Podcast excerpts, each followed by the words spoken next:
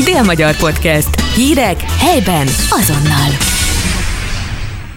Köszöntöm a Dél-Magyarország Podcast hallgatóit, én Tímár Kriszta vagyok, beszélgető társam pedig Fülöp Ákos, az MCC Mindset Pszichológia Iskola Sport és Teljesítményműhelyének műhelyvezetője. Köszöntöm itt a Dél-Magyar Podcastben. Na beszéljünk egy kicsit arról, vagy kezdjük azzal, hogy a sportban manapság mennyire fontos a, az, hogy valaki fejben rendben legyen. Ez egy nagyon fontos kérdés, mert hogy az elmúlt húsz évben láthatjuk a, a világ élsportjában, hogy van egy nagyon komoly változás. Nagyon éles lett a sport. A testi teljesítmény szinte teljesen kiaknázva ott van. Többet talán nem lehet már edzeni, okosabban lehet még edzeni.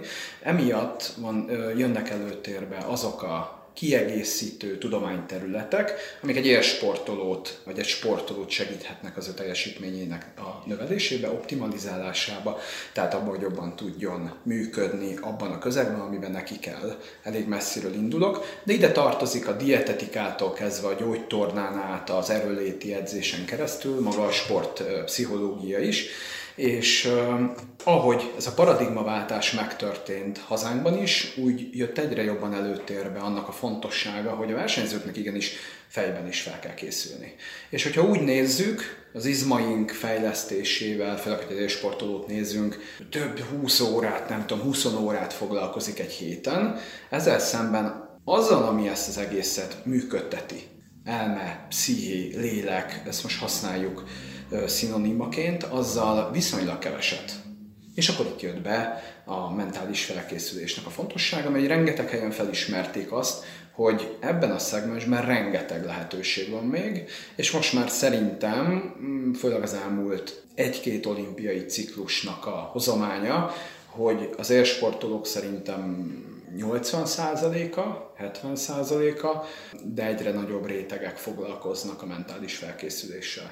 Mit adhat ez pluszban? Milyen látványos eredménye lehet? Mondjuk, ha összehasonlítunk egy ilyen sportolót, aki nem veszi igénybe ezt a fajta segítséget, és azt, aki igen.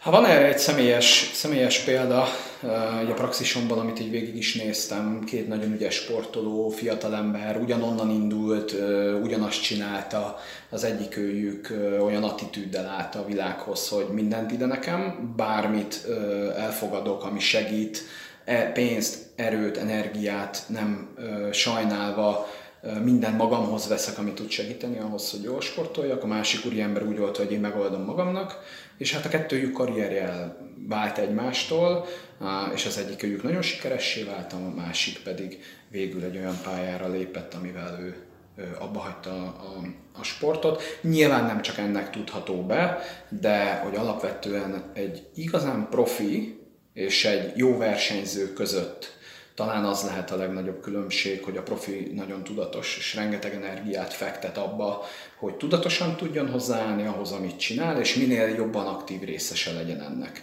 És itt kapcsolódik be a sportpszichológia, mint tudományterület, hogy ebben a tudatosságban segíthessünk a versenyzőknek, adjunk olyan eszközöket a kezébe, amivel ő aktív részese tud lenni a, a pályafutásának, nem csak történnek vele dolgok, és akkor behozhatok még olyan konstrukciókat, amiben sokat lehet segíteni, mint szorongás, amit rengetegszer hallunk, versenyizgulás, perfekcionizmus akár, de ugyanígy a figyelem vagy a koncentráció fejlesztése, illetve ami nagyon fontos maga az önreflexió, meg az önismeret. Tehát, hogy akkor tud valaki jól teljesíteni, és akkor nyitnék az ólót, nyitnám az ólót egy picit a sportról, az egész életünkre. Minden teljesítményhelyzetben legyen az iskolától kezdve egy szívműtétig, vagy egy rendőr munkájáig, akkor fog valaki igazán jól teljesíteni, hogyha ismeri saját magát, a határait, a képességeit, és ezt tudatosan össze tudja tenni, hogy mi az neki való recept, hogy jól tudjon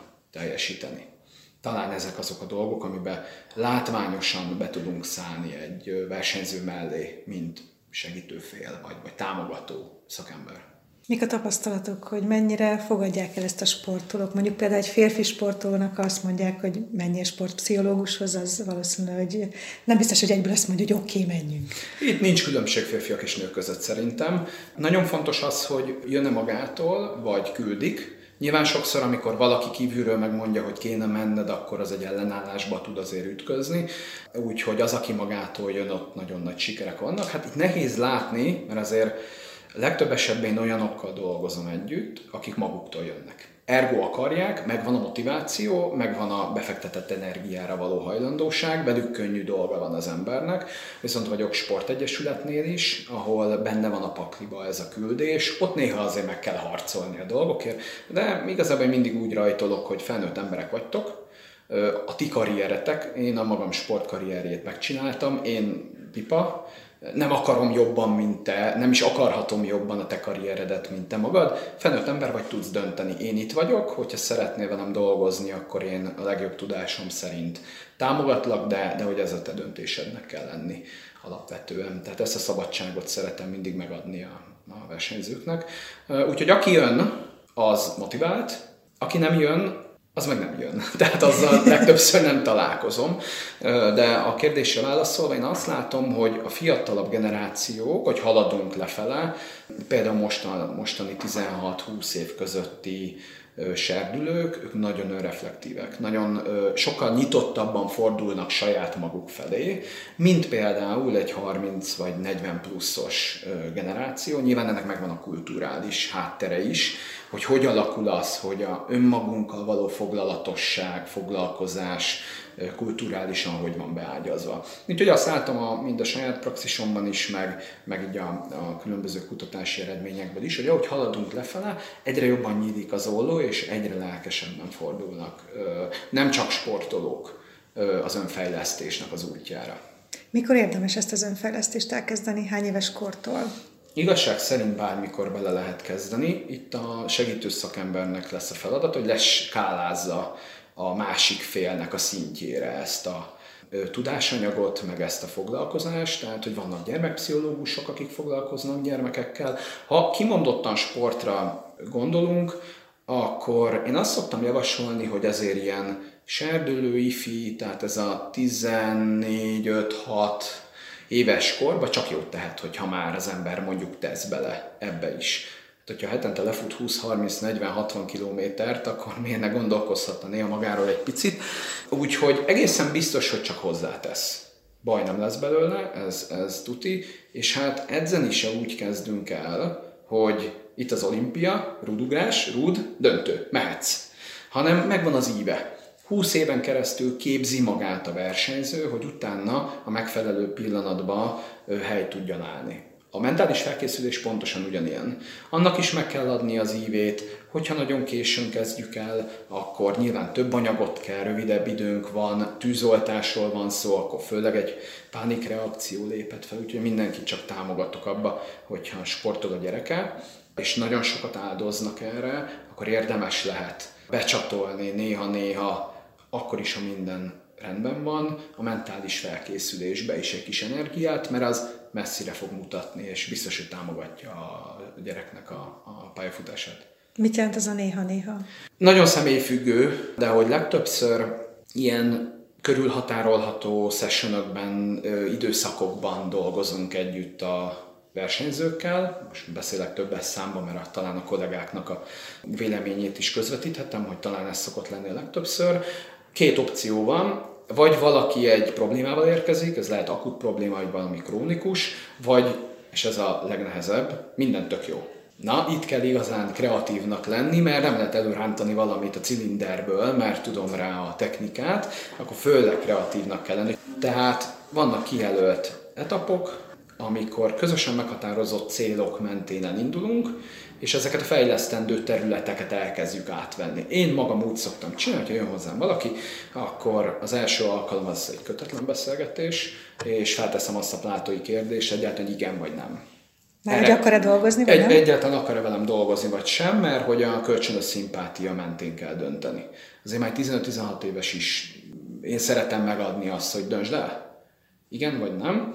Erre kérek egy egyértelmű választ. Ha igen, akkor a rendszeresség kérdése marad csupán meg, ezt a szülőkkel együtt megbeszéljük, és akkor amit látok, az egy ilyen 8-12 alkalom, körülbelül akkor három hónap, fél év, attól függ, milyen rendszeresen jár a, a, a versenyző hozzám, ameddig kvázi alapozunk egyet. És akkor olyan alapkészségeket tanulunk, olyan alaptechnikákat tanulunk, ami tuti biztos, hogy csak jót tesz minden sportolónak, illetve természetesen mindenki hozza a maga történetét amivel mondjuk kell dolgozni. Mert izgulósabb, szorongó, nagy az iskolai terhelés, össze kell igazítani a két életét, stb. stb. És amikor ez lejár ez az időszak, akkor meg szoktam állni, és akkor újra megbeszéljük, hogy mi legyen. Van, akivel itt elbúcsúzunk egymástól, meg kipipáltuk a feladatot, van, akivel, aki marad, viszont rendszertelenebbül jár, havonta egyszer rácsekkolunk, ha újra jön a versenyszezon, akkor kicsit felpörgetjük. Rengetegen vannak így, akikkel így évente belerakunk a zsákba mindig két-három hónapot, és van olyan, akivel pedig elbúcsúzunk egymástól. Tehát ahány ember annyi történet, és ahhoz alkalmazkodunk mindig. De a sport az talán annyiban más, hogy szorosabb és vagy hosszabb tartó kapcsolat is kialakul ellenben a klinikummal, ahol valaki meggyógyul, akkor örül, hogy végre elmehet, mert, mert túl van valamin. A sportolók évről évre nagyon kemény helyzetekbe kerülhetnek, versenyszezon, versenyek, amikor jót tehet ez a támogatás. Csapatsportban vagy egyéni sportban van nagyobb jelentősége a mentális segítségnek? Hmm, egyenlőnek nevezném. Azért nevezném egyenlőnek, mert hogyha mélyre nézzünk egy csapatsportnak, igazából az is egy egyéni sport. Mert mindenki a maga posztján a tőle lehető legjobbat kell nyújtania. Ha ő megcsinálja a saját dolgát, és a mellette lévő is megcsinálja a saját dolgát, akkor együtt még többet tudnak megcsinálni. Tehát először az egyénnek kell jól működnie a maga dolgában, és utána lehet szépen együtt dolgozni és akkor lesz igazán jó, úgyhogy abszolút egyenlőnek mondanám a kettőt.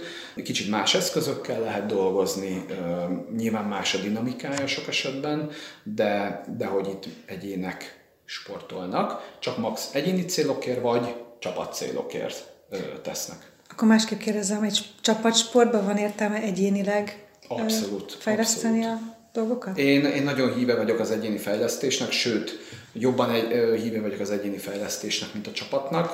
Ez talán amiatt, mert egy csapatban a leggyengébb láncszemhez fog igazodni a csapat norma, hogyha mondhatom ezt, tehát a csapat teljesítménye. Ha valakinek ez nagyon idegen, egy pszichológiai felkészítés, egy csoportos foglalkozás, nagyon idegen, nem érzi jól magát, akár destruktív, mert ellenáll, akkor az óhatatlanul hat a többiekre is. Tehát akkor őket érdemes kivenni, és megemelni egy picit, hogy értsék, hogy mi történik, meg legyenek azok az alapok, amivel ő jól tud dolgozni. Plusz egy csapatban ahány ember annyi képességkészség alap, van, és érdemes először egy picit talán egy szintre hozni őket, hogy jól tudjanak együtt dolgozni. Megvan a helye a csoportos foglalkozásnak is százszázalékosan, de én szeretek nagyon egyénileg foglalkozni velük. Nagyobb a figyelem, sokkal koncentráltabb a személyre húzott munka. Hogyan lehet megtalálni a jó szakembert? Ugye ma már nagyon sokan foglalkoznak mindenféle néven sportolók mentális felkészítésével, hogy csak maradjunk ennél a témánál. Köszönöm szépen ezt a nehezen megválaszolható kérdést. Hát ez a szakmánkban egy nagyon nagy dilemma és nehéz kérdés mert törvényileg nincs még százszázalékosan leszabályozva az a keretrendszer, leírva az a keretrendszer, meghatározva az a keretrendszer, hogy ki mivel és hogy foglalkozhat. Így nagyon sokan, akik nagy magabiztossággal vágnak bele egy-egy szakmába, nem biztos, hogy az a alap megvan. Ma Magyarországon, ami egészen biztos, ilyen 130-140 végzett sport szakpszichológus van, ami vár még ránk, hogy lét, mindenképpen létre kellene hozni ennek egy adatbázisát. Ez elmaradt az elmúlt években. Nagyon sokan dolgoznak azon, hogy egységesülhessen a piac, a szakma, hívjuk szakmának, egységesülhessen a szakma és egy közös tudásmegosztás mentén tudjanak a sportvezetők, a sportklubok, az edzők, a szülők relevánsan valahova fordulni. Ennek a társadalmi beágyazottsága és edukálása még sok-sok munkát kíván. Hogy például egy szülő azt tudja, hogy kihez forduljon, ha a sportban megjelenő mentális kérdésekkel keres szakembert. De nyilván ennek a szakmának a teteje az a sport szakpszichológus, tehát az a pszichológus, aki szakosodott a sportolókkal való munkára. Ez a mai szegedi előadás miről fog szólni? Csőbe húztam a hallgatóságot, majd teljes, mentális teljesítményfokozás néven fog zajlani ez, a, ez az előadás, de messziről rajtolunk. megnézzük a pszichológia természetét, onnan megyünk tovább a sportpszichológia és a sportpszichológus feladatköréhez, és szeretnék rávilágítani arra a tényre egy nagyon sokat mondó ábrával, hogy maga a mentális teljesítmény fokozás az egy nagyon pici szelete a mi munkánknak, viszont az elmúlt 20-30 évben nagyon sokszor ez a rész volt kiemelve, és fő fókusznak téve a sportpszichológiába, úgyhogy miután a hallgatóságnak bedobom a hasbalkasztós kampót, rátérek erre a szeletére, erre a pici szeletére a tudományterületnek, és átnézzük azokat az aspektusokat, ami ahhoz kell, hogy jobban tudjon teljesíteni egy versenyző, legyen az bármilyen sportágban is, vagy akár bármilyen foglalkozásban. Mert minden, ami a sportban jó, azt le tudjuk konvertálni az életünk egyéb területére is. Úgyhogy nagyon sokat tanulhatnak más szakmák képviselő is. És az elméleti vonal után pedig a végét mindig szeretem egy nagyon egyszerű, de nagyszerű sportszőgi technikának így a közös megtanulásával, amit akár mindenki hazavihet, hogyha tetszik neki kipróbálhatja, és mivel nagyon egyszerű és nagyszerű, emiatt akár holnap már próbálgathatja is. És ha bejön, akkor ajánlom felírni a receptre, mert akkor azt mindig elő tudja venni, és tud vele foglalatoskodni. Reméljük, hogy hasznos lesz azoknak, akik itt lesznek. Köszönöm szépen a beszélgetést. Én is köszönöm szépen.